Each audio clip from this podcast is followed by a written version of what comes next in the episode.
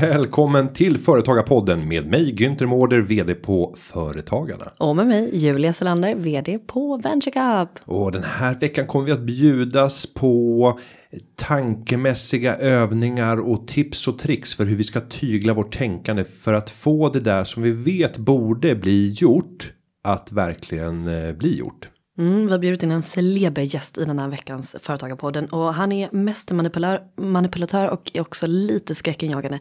Vi har nämligen lyckats få hit Henrik Fexeus till podden. Vi kommer även att avsluta med en fråga från lyssnarna som handlar om vad man ska betala för sin redovisningskonsult och hur ska man tänka när man upphandlar. Välkomna till Företagarpodden. Men vi börjar med en kort reflektion som har kommit in från en av våra lyssnare. Kristoffer Vedholm under Twitter alias Kriv. Eh, Krive. Krive. Krive med W. Eh, han har ju eh, tidigare varit ute och kommenterat att vi har alldeles för snabbt dömt ut kontanter. Och eh, började prata om oss som storfräsare.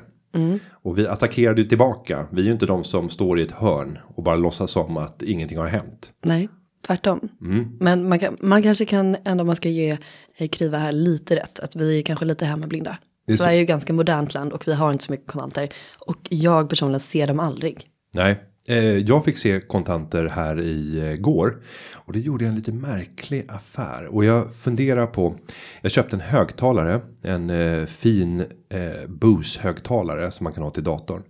Och det var alldeles för många saker som jag i efterhand började se var skumrask. Bland annat så var det kontanter. Så bara varför vill han ha kontanter? Och jag frågar så här, Swish, nej jag vill ha kontanter, det är säkrare. Så bara, nej, det är inte säkrare. Nej, jag vill ha kontanter. Var köptes den här högtalaren? Eh, I Solna. Och eh, jag föreslog att jag skulle komma hem till honom. Han ville ses på en parkeringsplats. Och så här, nej, jag vill inte ses på en parkeringsplats. Men ja, det var enda möjligheten för att jag skulle åka iväg och handla. Påstod han. Mm. Jag såg att han inte var inne och handlade. Eh, men jag har till och med fotat han när han kommer ut ur bilen och jag har fotat hans bil för att jag såg även att det namn han hade använt i blocket annonsen inte överensstämde med det namnet som han svarade med när man ringde. Det här luktar ju skumrask rakt av. Men du genomförde köpet. Ja, sen så tänker jag nu. Ja, och det var ju först efter när jag började lägga ihop alla de här pusselbitarna. Eh, när man ser att saker inte stämde. Hade han gått in och handlat där efteråt. Så hade det ju varit. Eh, ja, där man så här, ja, han skulle iväg och handla. Och ja, han kanske ville ha kontanter. Det är inga problem. Eh, men det var för många sådana små saker som gjorde att jag blev lite Hmm, misstänksam. Så att jag ska göra en anmälan på det här så får vi se. Och, och det finns ju så här anmälningstjänster där man kan tipsa. Mm. I det här fallet blocket om. Och då har du underlag för du har även fotat. Jag har även fotat så att vi ser hans, hans bilregnummer. Allt är redo. Men Krive säger ju då att eh, han skriver så här. Håller med er om att vi oundvikligen kommer att gå mot ett kontantlöst samhälle. Men det har gått väldigt snabbt i Sverige beroende på vår trendkänslighet och öppenhet för nymodigheter. Era storfräsare. Mm. Vi gav er tack Du där. Ja, du där. Du där. Men han ger ju också ett annat tips eller en varning kan man säga. Mm. På tal om varningar. Och den ska vi ta på allvar. Eh, han skickar in en bild på ett utskick från företagsopinion. Med kommentaren vilket erbjudande eller inte. Hashtag företagarpodden. Eh, och eh, företagsopinion är ett eh, rent bluff. Eller man får säga så här för att man inte ska bli stämd för förtal. Min uppfattning är. För, ja, men då har man skyddat sig mot allt förtal. Så, för det är i alla fall min uppfattning. Den kan jag, jag kan stärka det i rätten att det är min uppfattning. Min uppfattning är att det här är ett rent och skärt bluffföretag. Som försöker lura skjortan av dig genom illvilliga metoder. Det är min uppfattning. Eh, och eh, de kommer ut med en enkät som ser ut att vara myndighetsliknande och i de flesta fallen så har det varit en enkät om hur man ska få nyanlända in i arbete. Du fyller i den och skickar in det eh, och tänker att du gör din myndighets du gör din så här, medborgerliga plikt i förhållande till myndighet. Sen i själva verket så har man gjort ingått ett avtal där totalkostnaden för perioden om 24 månader är 12 790 kronor. Ett vidrigt sätt att eh, blåsa företagare på. Så Hedligt folk, men om än effektivt för att det, man blir ju, det är ju en jäkla massa grejer man ska fylla i hela tiden som företagare. Mm. Mer information om, om företagsopinion finns på företagarna.se. Jag tycker att eh, du alltid ska vara vaksam. Eh, om det inte är du själv som sitter och går igenom alla fakturor som kommer in så coacha hela tiden den personen som gör det att vara extremt noggrann med att titta på vad är det här egentligen. Mm. Var det du som sa häromdagen förresten att det var din morfar eller något som hade företag som på var fjärde faktura som fick så brukar man skriva bestrides och skicka tillbaka. Nej, det var inte. Men det hade kunnat vara min morfar. Jag fick aldrig träffa honom. Men, men, men, han har drivit det främsta företaget med, eh, med Mårder i sitt namn. Han hade Mårders möbler. Och det låter ju klatschigt. Stationerat ner utanför Nybro. Nej, och sen här... flyttade till Täby. Nej men det var inte han. Nej men för den här personen sa i alla fall. Ja men morfar brukar alltid. Han satt en ära i var, var fjärde femte faktura så skrev han bara bestrides. Och oftast i 70% av fallen, vilket är den siffran man alltid säger när man inte vet exakt, så funkar det. Då fick de, hörde de liksom inget mer. Bestrides, utropstecken, understryket. Jag ska pröva med nästa inbetalning av boräntan från banken. Gör det, det kanske funkar jättebra. Bestrides. Tyvärr så får man inte de där fakturorna eh, från, från banken utan det blir autogiro. Det funkar inte riktigt lika bra digitalt här. Nej, Nej men det är ett bra tips. men du, nu ska vi inte vara för babbliga här för vi har ju en jäkla guld, guldgäst här. Ja, det har vi. Förhoppningsvis en guldgruva som vi kan ösa ur. Han sitter här i studion. Mm, och jag är lite rädd. Nej, men det skulle de inte vara. Men, och inte rädd, men jag är pepp och eh, förväntansfull. För att veckans gäst är ju en eh, psykologisk manipulatör. Oh. Mm. Vad har vi på psykologiska manipulatörer? Eh, vi kanske borde vara lite oroliga. Jag är kanske lite för avslappnad. Ja. Mm. Nej men veckans gäst är, är säkerligen väldigt känd för nästan samtliga av lyssnarna skulle jag vilja påstå. Han har synts frekvent i media, har egna, han har egen podcast, han har varit med i väldigt många tv-program och han är ju Sveriges mest kända, som vi sa, psykologiska manipulatör. Han är mental illusionist och eh, han förmedlar kunskap inom omedveten kommunikation på olika sätt. Eh, det är alltså såklart Henrik Fexeus vi pratar om. Vi har lyckats få hit honom till podden. Han har skrivit sju böcker och han har sålt i över en halv miljon exemplar i Sverige och översatts till 30 språk. Han är så cool och nu ska vi få grilla honom på lite olika företagsrelaterade beteenden, eller hur? Mm, det ska vi. Då hälsar vi Henrik Fexeus välkommen till Företagarpodden. Tack så mycket. Kul att ha dig här. Jag har ju en liten relation till dig. Mm. Mm. Du har en relation till Henrik. men den är ensidig. ja, det, det, verkar som det. Kanske. Eh, nej, men jag, jag, har ju följt eh, ja, det första programmet Järnstorm. Var, jag mm. tror att vi diskuterade att det var tio år sedan det sändes nu. Ja, det är helt galet. Eh, men, men där fanns det flera klipp som gjorde starka intryck på mig. Eh, bland annat en om en apa som plötsligt dyker upp i när ett antal personer spelar basket. Och man kan inte se apan.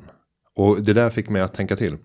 Eh, det gjorde många sådana där övningar som visar att vi eh, inte är rationella som, som människor. Ja, eller? Och, eller att vi åtminstone inte fungerar på det sätt vi kanske tillskriver oss själva att vi gör. Och, och vad kommer ursprungligen det här intresset för att Ja, oh, du, det är intresset att vad förresten? Ja, men intresset för att studera hur vår hjärna påverkar vårt sätt att se, tänka, Mm. Alltså jag, har, jag har ju ett svar på den frågan som är en efterkonstruktion. Jag vet inte om det här är sant, men det låter rimligt. Ja, så därför, eh, men grejen är att när jag var liten, och nu pratar vi så här grundskolan, alltså lågstadiet, så var det en sak jag inte kunde och det var sociala koder. Jag var ganska så socialt oskön. Jag kunde inte riktigt leka med barn. Jag var, skulle hålla på reglerna och det var kantigt och, liksom, och sådär. Äh, så, och samtidigt som jag var en jäkla besserwisser. Eh, och, och, skulle veta bäst hela tiden. Nej, nej, jag var, jag var otroligt ocharmig. Skön kille. Ja. ja, visst. Så att jag blev ju ganska snabbt den där som man använde sig av för att visa, liksom, för att definiera vilka vi är. Vi i gruppen, då måste det alltid finnas någon som inte är den i gruppen. Eh, och, och, det var jag. Men jag var ju samtidigt korkad nog att inte riktigt fatta det. Så jag skulle ändå varje fredag stå och trolla på klassens himmel. Liksom. Och så här, att vara extrovert besserwisser som inte riktigt kan umgås, den är jättedålig. Men jag fattade, jag åkte ju på stryk så det stänkte om det liksom i sex års tid. Men eh, jag fattade ju att det var någonting som de andra hade lärt sig som jag inte hade lärt mig. Och jag tror att det där var på något sätt startskottet. Att, eh, jag förstår att det finns någonting mer bakom här. Bakom vad man kan läsa i böcker eller liksom förstå. Eh, bara genom att umgås med, med, med, folk. Så att när jag började mitt liksom semivuxna liv i, i eh, eh gymnasiet då gick jag med i en eh, teatergrupp där jag ganska snabbt började regissera och då, det handlar ju väldigt mycket om mänskligt beteende. Vad behöver jag be en skådespelare göra med ansiktet på scenen för att väcka en viss känsla hos publiken liksom, i den här scenen? Och, och sen dess har jag liksom alltid varit intresserad av varför vi gör som vi gör. Jag tror mycket handlar om att förstå mina gamla mobbare. Vad drev dem till det här? Varför var det jag som blev utsatt? Uh, och ganska snabbt när man lär sig mänskligt beteende, då börjar man ju också titta på vad är det som påverkar oss till att göra vissa saker? Vad är det som styr vårt beteende? Är det bara vi själva? Nej, det är det inte alls det. Vi är väldigt mycket påverkade av yttre faktorer. Ja, men vilka är de då? Och då, eh, och då blev det liksom större och större och större. Men i allt jag har gjort i mitt vuxna liv, oavsett om det har varit på hobbynivå, att det har varit den här amatörteatern, eh, eller de jobb jag haft och det jag pluggat, så har det alltid kretsat kring det här, att på olika sätt förstå varför vi gör som vi gör. Och om vi ska kasta oss in i varför vi gör som vi gör och titta på våra lyssnare som i hög utsträckning är företagare eller snart företagare. För det är många mm. som drömmer om att ta steget.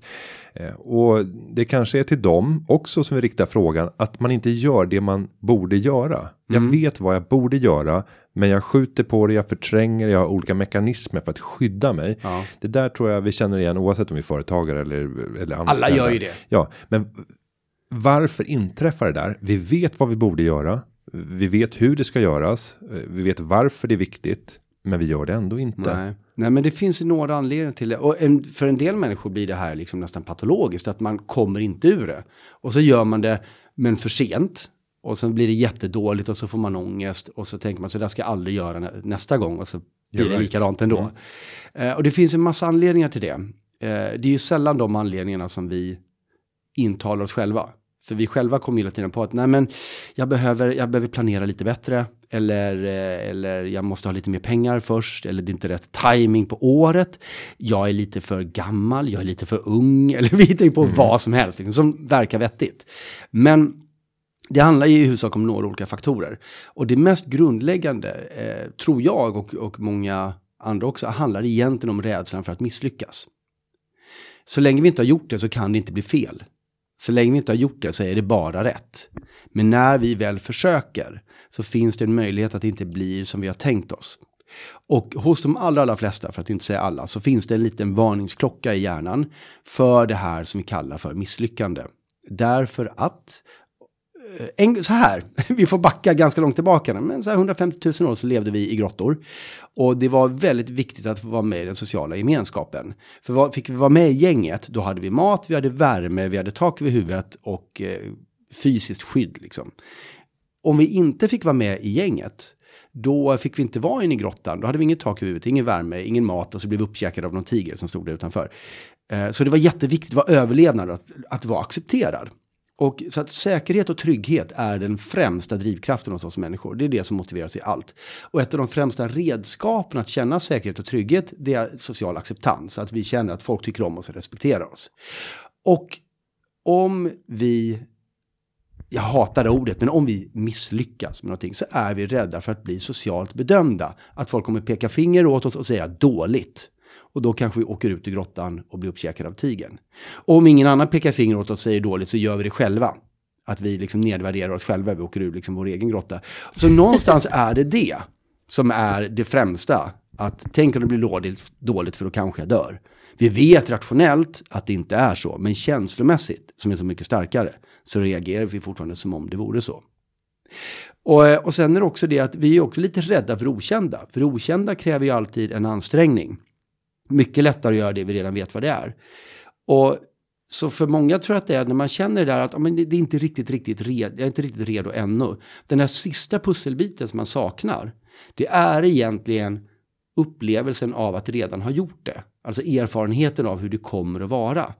Det är den man, äh, bara kan ha den, liksom, då kommer jag säga, så det är den man försöker kompensera för. Istället för att förstå att det kommer aldrig finnas perfekta förutsättningar för det jag vill göra. Det kommer aldrig vara perfekt.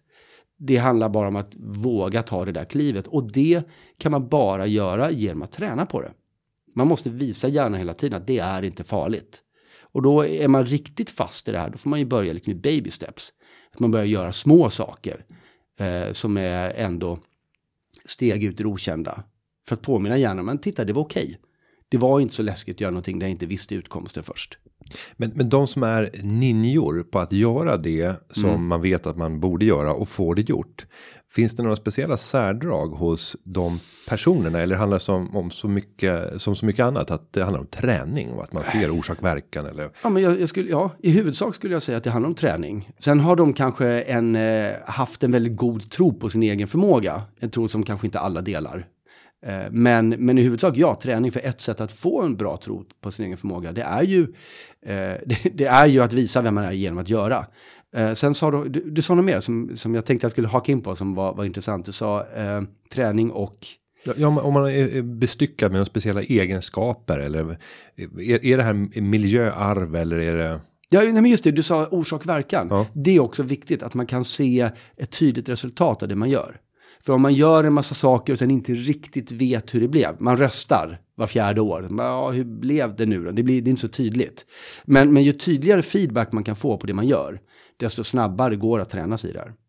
Sen så ett annat jättebra sätt eh, att tvinga sig själv att börja utföra handlingar. Eh, och det här kan vara faktiskt, som mycket annat så är det liksom, det är de tipsen som verkar triviala som ibland är de psykologiskt mest starka.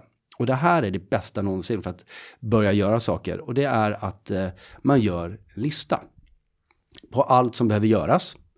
Och sen så lovar man sig själv att jag ska göra en eller tre beroende på var man befinner sig i huvudet. Liksom, saker på den här listan varje dag. För det är ganska skönt att stryka saker från en lista.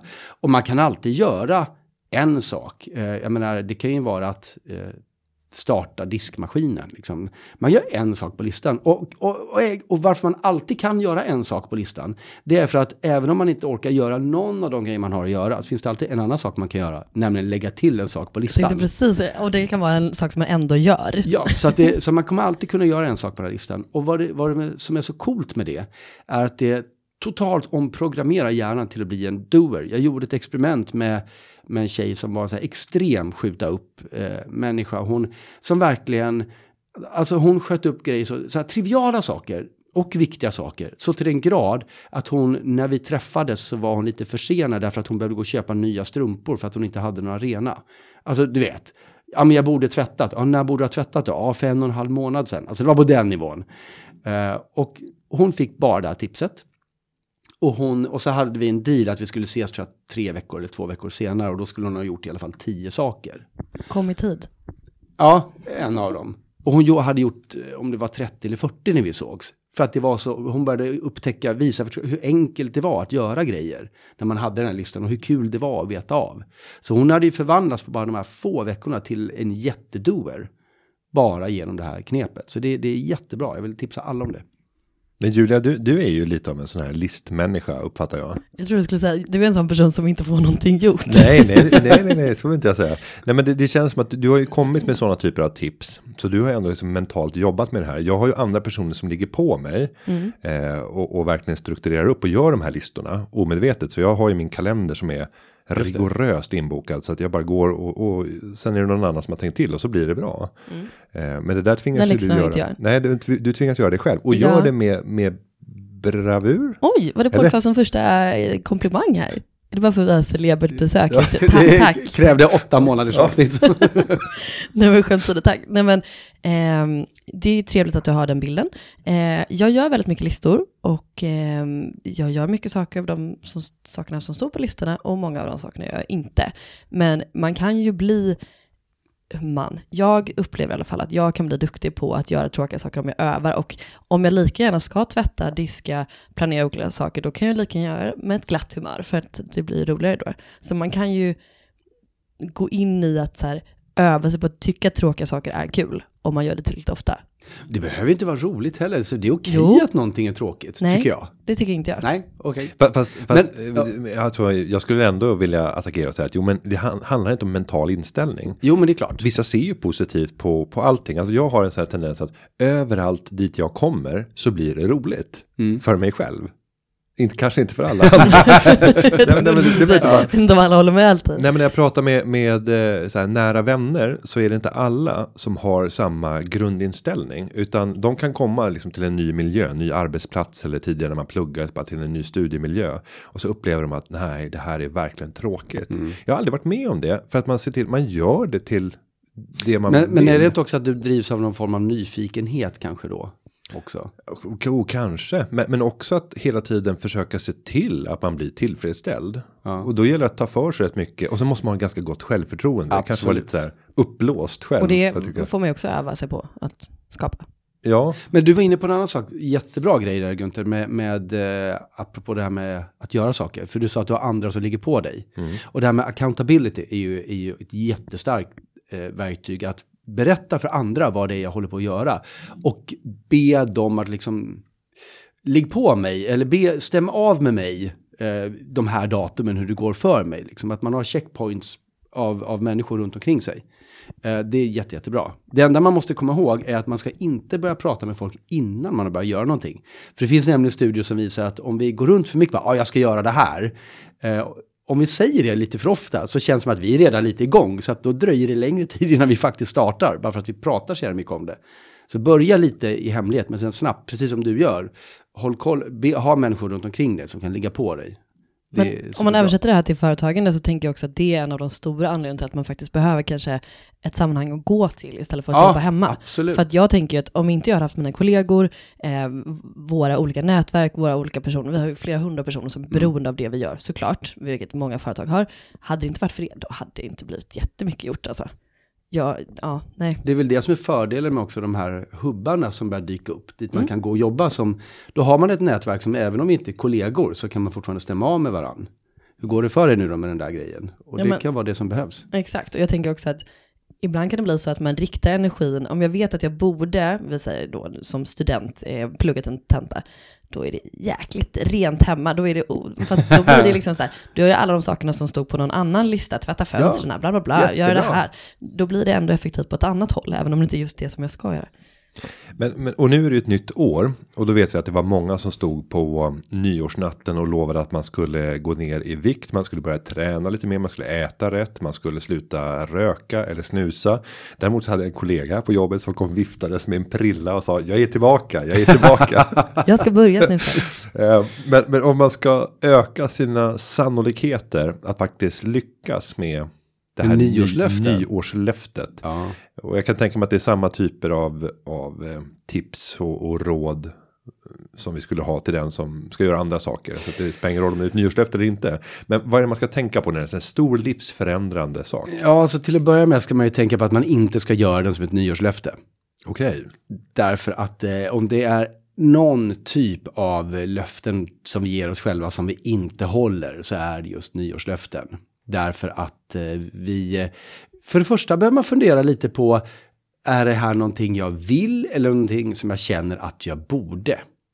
För du nämnde eh, gå ner i vikt eller börja träna eller sluta röka. Väldigt många människor känner att det här är saker jag borde göra. Men när det kommer till kritan så är det kanske ingenting de egentligen vill. Jag vill inte sluta röka. Nej, men då kommer du inte kunna göra det heller. Så att förväxla inte det där. Lova inte dig själv att göra saker som du borde göra. Utan det måste finnas en genuin vilja att göra det till att börja med. Det landar ju i att det måste finnas en motivation. Och är det någonting som inte finns i din tillvaro normalt, oavsett om det är liksom i en företagskontext eller om det är rent privat, så behöver du också se till att du har verktygen för att kunna utföra det här. Du behöver vara väl förberedd. Ehm, det är en ganska bra metafor tycker jag med nyårslöften, så vi kan fortsätta med det. Men jag menar, är det nu träna, då kanske du behöver ta reda på vad innebär det för mig? Behöver jag träningskort? Behöver jag lära mig någonting nytt först? Behöver jag gå en liten utbildning? Behöver jag ta reda på vad förbränning är? Alltså, se till att du har förkunskaperna innan du kan göra de här sakerna. Så att det sämsta man kan göra om man vill få till en förändring eller komma framåt, det är att bara så här ad hoc lova sig själv att det här ska jag göra. På champagnefylla och eh, ox, oxfiléfylld buk. Ja, men Oftast jag- brukar det väl vara dagen efter, tänker jag. Nej. ångest. Ja, det är Nej, det, men det är väl vid tolvslaget. Jag ska här- aldrig mer göra det. ja, just det. Det, det, det antilöftet, jag ska aldrig mer. Ja. det brukar också gå jättebra. Nej, men så att man måste vara väl förberedd för alla typer av förändringar man vill göra, stora som små. Eh, och man måste genuint vilja och ha en motivation att göra de här förändringarna, annars kommer det inte hända. Och sen så måste man också förstå att det kommer inte vara en rak linje. Det är också ett misstag många gör. Man säger jag ska göra det här, eller jag lovar mig själv att jag ska käka bättre. Och så gör man det, eller man börjar driva det här nya företaget. Så får man en liten backlash. Det kanske inte gick så bra för företaget, eller man tryckte i sig en tårta. Och så säger man, helvete, det gick inte. Och då slutar man. Nej, det kommer alltid vara så. Det kommer vara några steg fram och så kommer det fucka upp lite. Och då är det bara, ty, fatta det, det är okej. Det betyder inte att den här resan framåt är förstörd nu. Det kommer alltid hända saker och man kommer ta små sidsteg, göra saker som man kanske efteråt känner att det där var ett dåligt val. Men allt det får ingå i den där eh, vägen mot det här målet man har satt upp. Kan, kan man till och med tillåta sig att få ha frikort? Ja, Ehm, eller ja, eller i alla fall inte vara för hård för sig själv Nej. om det händer. Frikort känns blir- som att man farligt. planerar för att det ska hända. ja, ja. Det kanske är dumt. Nej, men, det- eller det kanske är smart eftersom att det alltid händer. Man är Jo, inte fast du, rädd. grejen är att du vet ju aldrig exakt vad det är som kommer att hända. Att planera för att man ska fejla. Ja, Nej, men, Men, det, man, mentalt ställa sig in på, jag ser, ser lite på målbilden, jag vet, jag vet att det kommer sabba det här. Det beror kanske lite på vilken typ av mål det är man sätter upp. Men spännande. Ja. Men jag tänker, Eller man ska, ja, förlåt. Men om, man, du. om man skulle dela ut de här frikorten till personer som finns i ens närhet och som omedelbart kommer att ha förmågan att observera att du har brutit det. Och säga att det finns bara två per sån här person och det finns totalt och det här räcker för året. Eh, och då har man den här Alltså det sociala trycket, några som kontrollerar dig, som till och med sitter inne med korten och ljug inte för mig nu. Ljug. gäller att det är något mätbart då och tydligt. Jo men typ så här, failet. jo men jag tänker så här att, att eh, tjuvröka på en fest. Och så bara, men det var ju bara ett litet paket. Så bara, ja fast jag såg det allt. Nu bränner du ett av de här korten. Varsågod, här har du det. Alltså jag kan ju ha fel här. Jag, jag ser fram emot att få se det utföra det experimentet. Men jag tänker att om man har tre, de där tre korten. Då vet jag ju att jag får tjuvröka tre gånger. Jag tar Och- en. Ja, jag tar en. Det, året är snart slut. Ja. Det, eh, så det kan, men det kanske är ett okej pris att betala. Ja. Det, ja. Du får gärna berätta för mig hur det gick. Ja, det är inte rökning utan det är de här lakritstänkta snusen. Lakritssnus. Men Günther har ju. Är det ens riktigt Ja men titta här nu. Jo, jo, nu, nu ska vi få i... i eh, Men är det, är det för, att, är för att man Nej, ska men- få tioåringar Nej, att men det snusa är så också? här för eller? att Här får Günther lukta, är ju. Ja, jag vill inte lukta. Det är det värsta jag vet. Som tur har jag så här bihåleinflammation och någonting så att jag kan Ja, inte känna. Günther har ju, man, alltså här, om man ska, om man ska det. uttrycka det eh, på ett diplomatiskt sätt, du är sparsam. Mm. På det andra sättet, du är förbannat snål. Mot Nej, dig nej, ekonomisk. Snål mot mig själv, Ekonomisk. generös mot andra. Ja, Mm. precis. Ja, Jag, till, jag stod till och med beredd att bjuda Henrik på en av dessa egenkryddade Är lakritssmakelser. egen? Jo, men det Ja, var det jag skulle komma till, att det är ju, det är ju ett märke du aldrig har sett förut. Nej. Eh, för att Men jag kan inget teosnusmärke. Nej, men Nej, det är nej, men det är ingen som vet vad det är för någonting, för det är ett billigt märke. Men för att krydda det här, istället för att köpa färdiga lakritsnus, så har ju inte då ett eh, lakritspulver som man häller i. För Och att det ska det är dyrt som fan. Ja, men du köper på stora mängder. Egentligen så är det en sån här illus- det är också en illusion att det skulle vara ett högt pris. Det är ungefär som kryddor. Ta en kryddburk, titta på så här peppar. Vad kostar det om du köper på en liten vanlig kryddburk? Alltså det är ett extremt kilopris. Men om du istället köper det på två kilos paket så inser man att vänta nu. Tar de alltså tio gånger mer bara för att det är en liten förpackning. Det, det är en av de största scammen vi har i matbutiken. Mm, så är det väl Så väl. köp två kilos kryddpaket. så, så kan man det är tänka. Företagarpodens tips idag, att köpa stora Ja. volymer av kryddor. Sen, sen kan det bli ett visst. Eh, sv- ja, det kan ju bli. Kryddor kan ju smaka lite illa kanske då efter tio år när man fortfarande har kvar dem där. Jag tänker mer så här förvaringsmässigt Mässigt, så ja. ställer du helt andra krav på boenden plötsligt. Ja, nej, strunta i det. Men man kanske kan gå samman i en kryddklubb. Det skulle kunna vara ett, ett tips. Så Att kan man- får man ringa på oss varandra hela tiden? Är det du som har svartpeppar? Nej. För jag behöver lite. Nej. Nej, nej, nej. Utan vi köper två kilos paket. Vi är 20 personer i kryddklubben. Delar upp dem. Och så delar vi upp Men det är dem. mycket tråkigare. Det är ju skönare, roligare att ringa på oss varandra. Ja, det är det också. Men det är också roligt när man har sin kryddsamling årligen. Där man delar upp de här kryddorna, man ska ha med sig burkar och det blir lite, det är lite av en happening. Hur mycket pengar tror du att man ska kunna räkna hem på det här? Säkert 50 spänn. Ja, det, det, det beror ju på hur mycket man kryddar. Alltså, tänk dig att ha ett välkryddat liv. Vem vill inte ha det? Alltså ibland så är det som att du verkligen är från Göteborg. Att alltid, ja men tänk dig att alltid komma, man, man känner liksom att det går bra för, alltså vissa kan man ju till och med känna på eh, liksom svettningarna. Att man, det här är någon som kryddar på rejält. Det- Okej, det då tror jag att vi nu. går vidare här nu. Eh, jag tänker, vi spelar in här på, på morgonen Henrik. Har du, eh, i och med att vi pratar om att man kan öva hjärnan på mycket saker, har du någon speciell grej eller rutin som du gör på morgonen? Då tänker jag, om man tänker på, Men ingen sån där hjärntränings... du har inget mantra. Nej, nej, jag har inget mantra. Ehm, Tror du på mantran? ehm, det fungerar uppenbarligen bra för, eller när du säger mantra, vad menar du så här liksom affirmationer då? Eller Ja, vad? precis. Ja. Ehm, nej, men alltså så här, vad vet jag, spagettimonstret, jag menar, det, om, om det funkar för dig, kör. Ehm, jag är lite för cynisk för att ställa mig framför en spegel och se mig själv i ögonen och säga, idag går det bättre. Det, det är inte Jag är riktigt- bäst, jag är bäst, jag är bäst. Ja, nej men det, alltså om, om man ska bygga självbild, Eh, eller förlåt, inte alls självbild, utan man ska, ja självbild och, och självkänsla, så känns det som att det finns saker som bottnar lite mer man kan göra. Så att när, min morgonrutin handlar lite mer om att överleva morgonen. Så den är fruktansvärt strukturerad. Men det är för att jag ska kunna gå igenom den utan att tänka. Eh, så att min, min dag börjar väl när jag, när jag lämnar mitt hem. Då börjar min hjärna vakna till lite. Och hur gör du med intryck? Har du att, för vissa personer är det så här när man är speciellt då egenföretagare kanske att, ja men jag kollar inte på nyheterna eller läser min mailinkorg innan klockan 12 för att då vill jag börja producera själv, jag vill inte få några sinnesintryck liksom. Hur, har du någon sån grej vad gäller intryck utifrån externt? Um, ja, alltså så här, synintryck och hörselintryck och sånt är ju omöjligt att... Såklart. Men, men eh, om vi nu pratar kommunikation, liksom, så är det ju... Eh, jag har en, en massa liksom, verktyg igångsatt eller på plats som verkligen reglerar och strukturerar inflödet, eller min möjlighet att motta information. Men, sen, men jag har däremot ingen sån att jag får inte titta på mejlen eh, förrän klockan 12. För det beror helt och hållet på vad jag gör just den veckan. Ibland har jag dagar då jag inte kan öppna mejlen förrän på kvällen, ibland gör jag det redan innan jag gått hemifrån. Så det är lite olika. Däremot så styr jag hela tiden när jag vill få kommunikation. Jag har eh, stängt av alla notifications på min dator. Det finns ingenting som pingar upp att nu har du ett nytt mail eller någonting, utan jag måste, jag måste liksom ta upp mailprogrammet för att se det. Jag har ett eh, svarsmail, jag har några olika mailadresser. Den mest privata har jag inte det här på, men de andra mailadresserna har ett automatiskt svar. För det är mina offentliga mejladresser där folk hör av sig. Hej, vi skulle vilja ha det här samarbetet eller vill du vara med i den här podden eller vad det nu är. Eller hej, jag läste din bok, vad kul.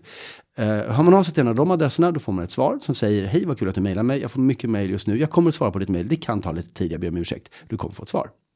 Uh, det betyder att de mejlkorgarna, jag läser dem alltid och så säger jag det här är viktigt, Uh, det här kan vänta. Och då flaggar jag de mejlen bara lägger i en annan mapp. Och de svarar på när jag har tid. Ibland har folk fått vänta i flera veckor. Det är ännu aldrig någon som har sagt att det här kommer alldeles för sent. För de har redan fått ett svar. Så att jag ser till att folk får alltid svar på mejl direkt. Eh, så det är automatiserat. Jag har stängt av alla mina så här röda pluppar i telefonen. Jag har bara liksom push där. Jag får ingen så här listor på att du har fått de här nya meddelandena. Jag har dessutom, nu tar jag fram min telefon här så att alla poddlyssnare kan se min telefon. Men min startskärm, nu har jag just lagt ner mejlen. Min startskärm är tom. Jag måste liksom scrolla till nästa sida på telefonen för att börja se de här plupparna och, och här är en massa notifications och skit. Men jag kan inte se det om jag bara startar telefonen. Okej, det där ska jag kapa rakt av känner jag. Jag har ingen telefonsvarare, jag, så att jag verkligen, jag får informationen när jag är redo att ta emot den, då tar jag del av den.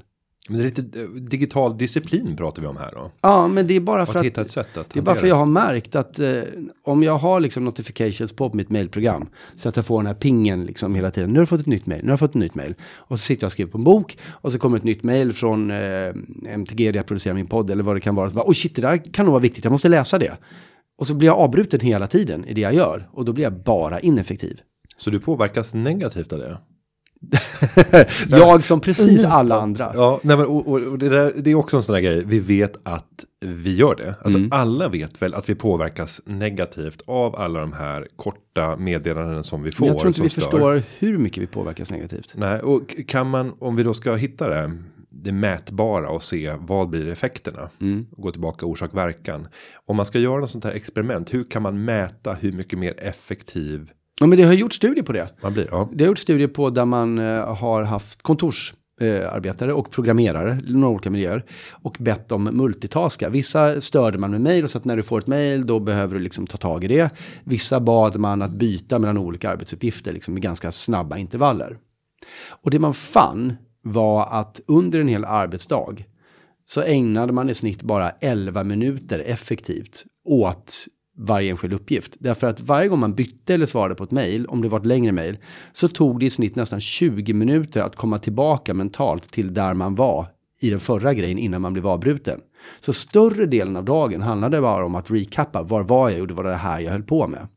Och så ett fåtal minuter som var liksom ren effektivitet. Och jag tror inte folk förstår att det är de parametrarna vi pratar om. Jag tror folk tänker att ah, ja, men jag var lite förvirrad, det tog några sekunder så var tillbaka. Nej, större delen av din dag. Dessutom är det så att när vi multitaskar, vilket är det det handlar om, eh, när vi multitaskar så blir vi också det tar inte bara längre tid att göra varje enskild sak. Vi gör dem också sämre. Vi gör mer slarvfel. Så kvaliteten på det vi gör blir, blir, blir eh, mycket, mycket sämre än om vi hade gjort sakerna en i taget. Så att skäms inte för att nej men nu behöver jag sitta med det här två timmar. Sen och då kan jag läsa mejl en timme eller vad det nu är. Det, man, man blir bättre. Sen om vi pratar eh, hur man föder en kreativ miljö. Eh, för att det behöver ju alla i eh, sina arbeten och i sin vardag. Att hitta de där tillfällena då man föder nya tankar och, och utvecklas. Så mitt absolut bästa moment. Det är när jag sitter i tråkiga möten. Där jag funderar på vad gör jag här? Men att det ändå är så här lite halvrelevanta grejer som snurrar omkring i diskussioner och i presentationer. Det får gärna vara så här ett halvdagsmöte. Så att det känns riktigt eh, alltså, waste när man sitter där. Men då börjar det hända saker. Då trillar mitt huvud iväg och så börjar jag tänka. Och då brukar jag bara sitta och anteckna hela tiden saker som jag kommer på. Och många mm. av de sakerna som sen visar sig efterhand var de bästa idéerna genererade under sådana stunder. Men det känns också så här jättekonstigt att planera in riktigt jävla tråkiga Nej. möten där man är irrelevant. Också väldigt respektfullt för de som håller de här mötena känner jag. Nej men man kan planera in tråktid som inte ja. skadar andra eller, eller gör att någon möteshållare tycker att den här Günther verkar vara inte helt med här. Men och det är jätteviktigt. Det, är ju, det finns en hel eh, bok om det som jag inte kommer ihåg vad den heter. Som länkar just att ha tråkigt med kreativitet. Mm. Att för att vara kreativa så kan vi inte bara vara i en massa kreativa skapande processer. Utan det är viktigt att, att ha tråkigt. Att inte stimulera hjärnan med massa ny input det måste ta tag i. Därför att det frigör nya tankeprocesser. Och det är ju, tycker jag, ett av de största problemen vi har idag. Att vi har ett digitalt samhälle där vi inte längre kan ha tråkigt. Därför att har du en sekund liksom ledigt om du åker en buss eller tunnelbana eller någonting. Så åker telefonen upp och så kollar man Facebook eller man ser något nytt avsnitt på Netflix eller man spelar lite Candy Crush eller vad det är. Vi underhåller oss hela tiden och vi lär våra barn det här. Jag blir så beklämd varenda gång jag ser femåringar som springer omkring och krockar med lyktstolpar för att deras mamma som går bredvid dem eller deras pappa jag har gett dem en telefon med Pokémon Go. Det där barnet behöver inte det. Och du behöver inte heller det. Det är helt okej okay att tillbringa 20 minuter som är lite sådär tråkiga. För din hjärna mår skitbra av det. Men vi tillåter oss inte det då. Eh, men det är jättebra att du har hittat ett, en ventil för det på de här mötena. Och Henrik, nu är det så här. Jag vill ju fortsätta det här samtalet, men tiden håller på att ta slut. Som den alltid gör. Och, och då tänker jag så här. Eh, varför skulle inte du kunna komma tillbaka även nästa vecka. Hur ser det ut då? Om vi skulle fortsätta prata lite mer uh, sälj och... Det låter väl alldeles utmärkt. Då tycker, jag, då tycker jag att vi fattar beslut om det nu. För då kan jag med gott samvete säga stort tack för att du kom till Företagarpodden om min och Julias vägnar. Och så ses vi igen nästa vecka. Ja, vad roligt. Ja. Kanske varje vecka från och med nu. Varje Vem vet? Välkommen tillbaka. Tack. Henrik. Okej, nu har Henrik gått ut ur studion här, fortfarande uppe i varv. Men eh, vad säger du Günther, från en Henrik till en annan Henrik? Absolut. Ja, då ska vi nämligen läsa veckans eh, lyssnarfråga och den kommer från Henrik i Sundsvall. Han skriver så här. Hej hopp, har precis varit hos redovisningsbyrån och hämtat ut bokslutet för mitt aktiebolag. Nu sitter jag här med några företagsvänner och diskuterar hashtag sparad krona och jämför våra resultatrapporter för att se om vi kan kapa kostnader i sanningens namn ett svepskäl för att svänga en bägare eller två. Men vi har samtidigt en känsla att vi betalar för mycket för våra redovisningskostnader trots så kallat bra priser per timme. Nu tänkte vi göra en gemensam sak och kolla upp detta grundligt genom att fråga experterna. Finns det någon norm vad gäller prissättning och tid som är skäligt om man ser till omsättning, antal verifikat? Och har, vi, har vi i Företagarpodden några andra tips när det kommer till att förhandla priser med en redovisningskonsult? Då vissa verkar dyra, andra är snabba, andra är billiga och vissa är otroligt långsamma. Utropstecken. Och så skriver han också med lite info här Henrik. Eh, aktiebolag, en person utan anställda, nettoomsättning 800 000 kronor, redovisningstjänster 30 000 kronor enligt resultatrapporten, ingen konsultation. Eh, ja, Eh, han skriver också innefattar bokslut, årsredovisning, årsstämmoprotokoll, en löpande bokföring, lönrapportering och antal verifikat per månad 20 till 30, 3,8 procent av omsättningen. Tack för en bra podcast. Mm. Och jag känner att redan, redan där så, så känner jag eh, att jag har ju min ekonomichef på Venturecap som, som är med in och grillar i det här. Och jag är ju en typisk sån person som tänker, äh, det är väl ja, det är väl inte så stor skillnad. Det ska bara göras. Vad tänker du? Eh, nej, men det här kan vara jättestor skillnad. Eh, det var otroligt bra att Henrik skickade med eh, den här extra informationen. Det är ingenting som gör att jag hoppar högt när eh, han skriver 30 000 kronor på årsbasis. Det är inte överdrivet mycket. Men det tänker till och med jag att det var min åsikt. Ja, och, men sen kan man säga att 800 000 kronor är väl lite i omsättning för att man ska kunna livnära sig på sitt företag. Sen kanske det är så att det här är en ren konsultbusiness som han utför där det inte finns några som helst kostnader för inkomsternas förvärvande utan han säljer sig själv per timme och han behöver inga tillbehör eller inga redskap för att sälja de här timmarna. Eh, och, och, och då går det, eh, men jag tror att det som skulle hända 20 till 30 verifikat per månad är ändå rätt mycket mm per eh, en omsättning på 800 000 kronor. Eh, Då pratar vi ändå om 360 verifikat på 800 000 i omsättning. Det får mig att tro, han har inte skrivit vad han gör för någonting. Men det får mig att tro att han håller på med någonting där han har väldigt små belopp som faktureras. Eller så har han väldigt många små inköp. Eh, Men, men som med allting annat, där handlar ju om en, en inköpssituation. Där man ska naturligtvis utsätta den man köper av för konkurrens. Eh, ingen kommer vara glad av att man betalar ett överpris för någonting. Och det här är faktiskt enklare att upphandla än mycket annat här i livet. Och anledningen det är just att han kan ge den här informationen. Han kan säga precis hur många verifikat det är. Det är ingen konsultation. Han kan berätta om omsättning. Han kan berätta om eh, hur han är som kund. Sanningen finns också där. Varje redovisnings eh, om, om du tittar din redovisning. Din bokföring finns ju samlad i vad man kallar en SIE-fil. S-I-E. SIE-fil. Och det är eh, från redovisningsprogrammet. Den kan man exportera och stoppa in i ett annat redovisningsprogram för att man ska kunna byta. Sen ska jag ärligt säga att det finns eh, många eh, problem som kan dyka upp när man för över de här filerna. Men Fast det vet i- man aldrig när man köper de här programmen. För det är så här, det är så lätt att... äh, i ja. teorin så ska det vara jättelätt. Eh, sen så är det så att om du kommer med en sån fil, om du kommer med den här tilläggsinformationen, om du dessutom gör ett utdrag från din mailkorg där du tittar på hur mycket korrespondens in och utmeddelanden finns från din redovisningskonsult. Kombinerat med att du tittar i din mobiltelefon, gå in på de nummer, hur många in och utgående samtal har du från, från den här personen och vilken eh, tid brukar det vara eh, varje samtal. Då har du kartlagt ganska precis vad det här handlar om för engagemang. Och då kan du med lätthet gå till andra aktörer och ställa frågan vad skulle ni ta för det här? Sen så tänker jag så här. Om man ska få någon annan och inleda en relation med någon så vill man ju att motparten ska vilja ha den här relationen med mig.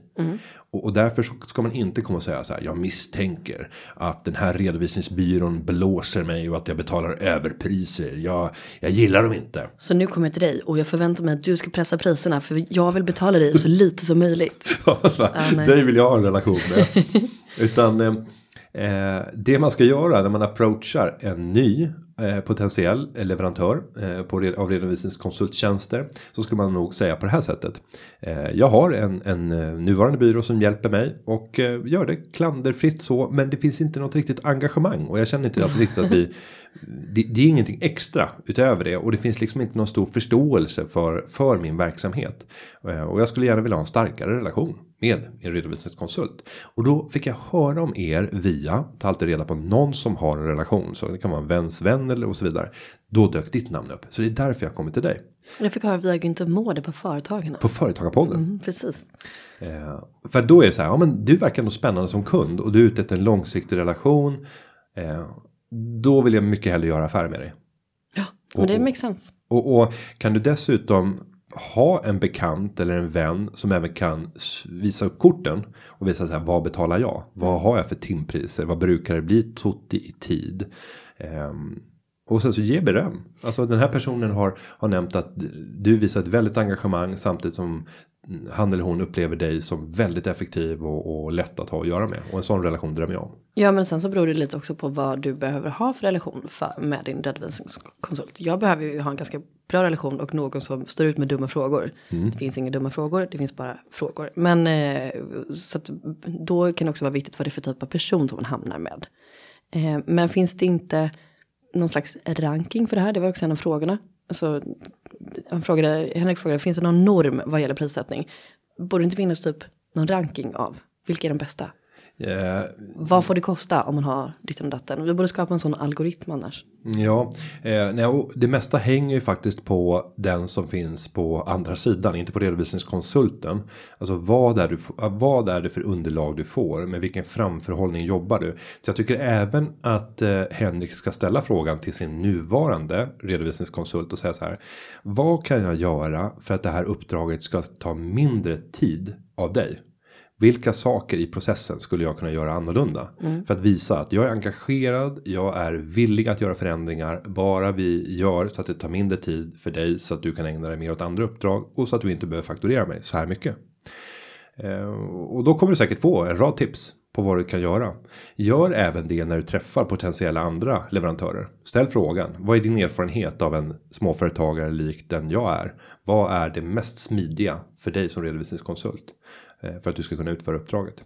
Sen så kan man ju gå ut på olika typer av offertplattformar och också söka. Eh, och där har vi ju Företagarna har ett samarbete med Offerta. Där kan man gå ut och söka. Sen så har du säkert på Service Finder misstänker jag. Du har redovisningsofferter och hitta bokföringsbyrå.se. Eh, de där tjänsterna kan jag inte gå i god för. Jag har bara hittat det när jag googlar så jag har ingen aning om innehållet och kvaliteten i det. Men äh, det kan vara värt kasta ut lite förfrågningar. Ha lite möten. Sen är det inte här du ska lägga krutet. Alltså att sänka 30 000 kronor. Vad skulle du kunna få ner det till? Ja, det är möjligt att tänka att du skulle kunna halvera det till 15 000. Men det skulle vara en otroligt låg kostnad. 15 000 för ett helt bolag med så många verifikat 360. Nästan lite misstänksamt. Men å andra sidan, hur många sedlar kan man svinga för 15 papp? Jo, men då så här, hur många fler saker hade han inte kunnat sälja av den tjänst eller den produkt som han jobbar med? Alltså man ska ägna tiden åt det som skapar störst värde. Absolut. Och även om jag är liksom Mr Hashtag sparad krona så ska man fokusera på det som ger störst avtryck i sin plånbok. Och jag tror snarare att det handlar om att sälja för 50 000. Alltså att sälja för 15 000 mer är lättare än att få ner avgiften för, eh, för sin bokföring med 15 000. I de flesta fall, jag håller med. Så att, eh, men gör en kombination. Kombinera, bestäm dig för att jobba lite extra för att kunna få ner det här. Jag skulle tänka att om du kommer ner till 20 så är det fantastiskt om du samtidigt hittar en bra relation. Eh, och i nästa steg så ska du även sälja för 20 000 mer. Så netto blir det 40 000 extra. Nej, inte 40 för du sänkte bara 10. så det blev 30, det blev 30 000. Men 30 000 är ändå 30 000. Efter skatt så finns nästan ingenting kvar ändå. Härligt. Så skit, skit i allt. Svinga sejden, bara fortsätta ha det gött. Men då kan man säga att du har blivit approved av eh, Företagarpodden. Det ser, det ser bra ut. Ja. Bra kostnad. Keep up the good work. Mm. Och med det Julia, så knyter vi ihop det här avsnittet. Ja, det gör vi verkligen. Och vi säger att underlaget som har legat till grund för denna podd har gjorts av Karin Nygård. Och Avsnittet det har klippts av Gustav Dalesjö. Tack för den här veckan. Tack för den här veckan. Vi ses nästa. Hej, hej. Ha det. Företagarna. Ja, ja, ja, ja, ja, ja. Företagarna. Ja, ja, ja, ja.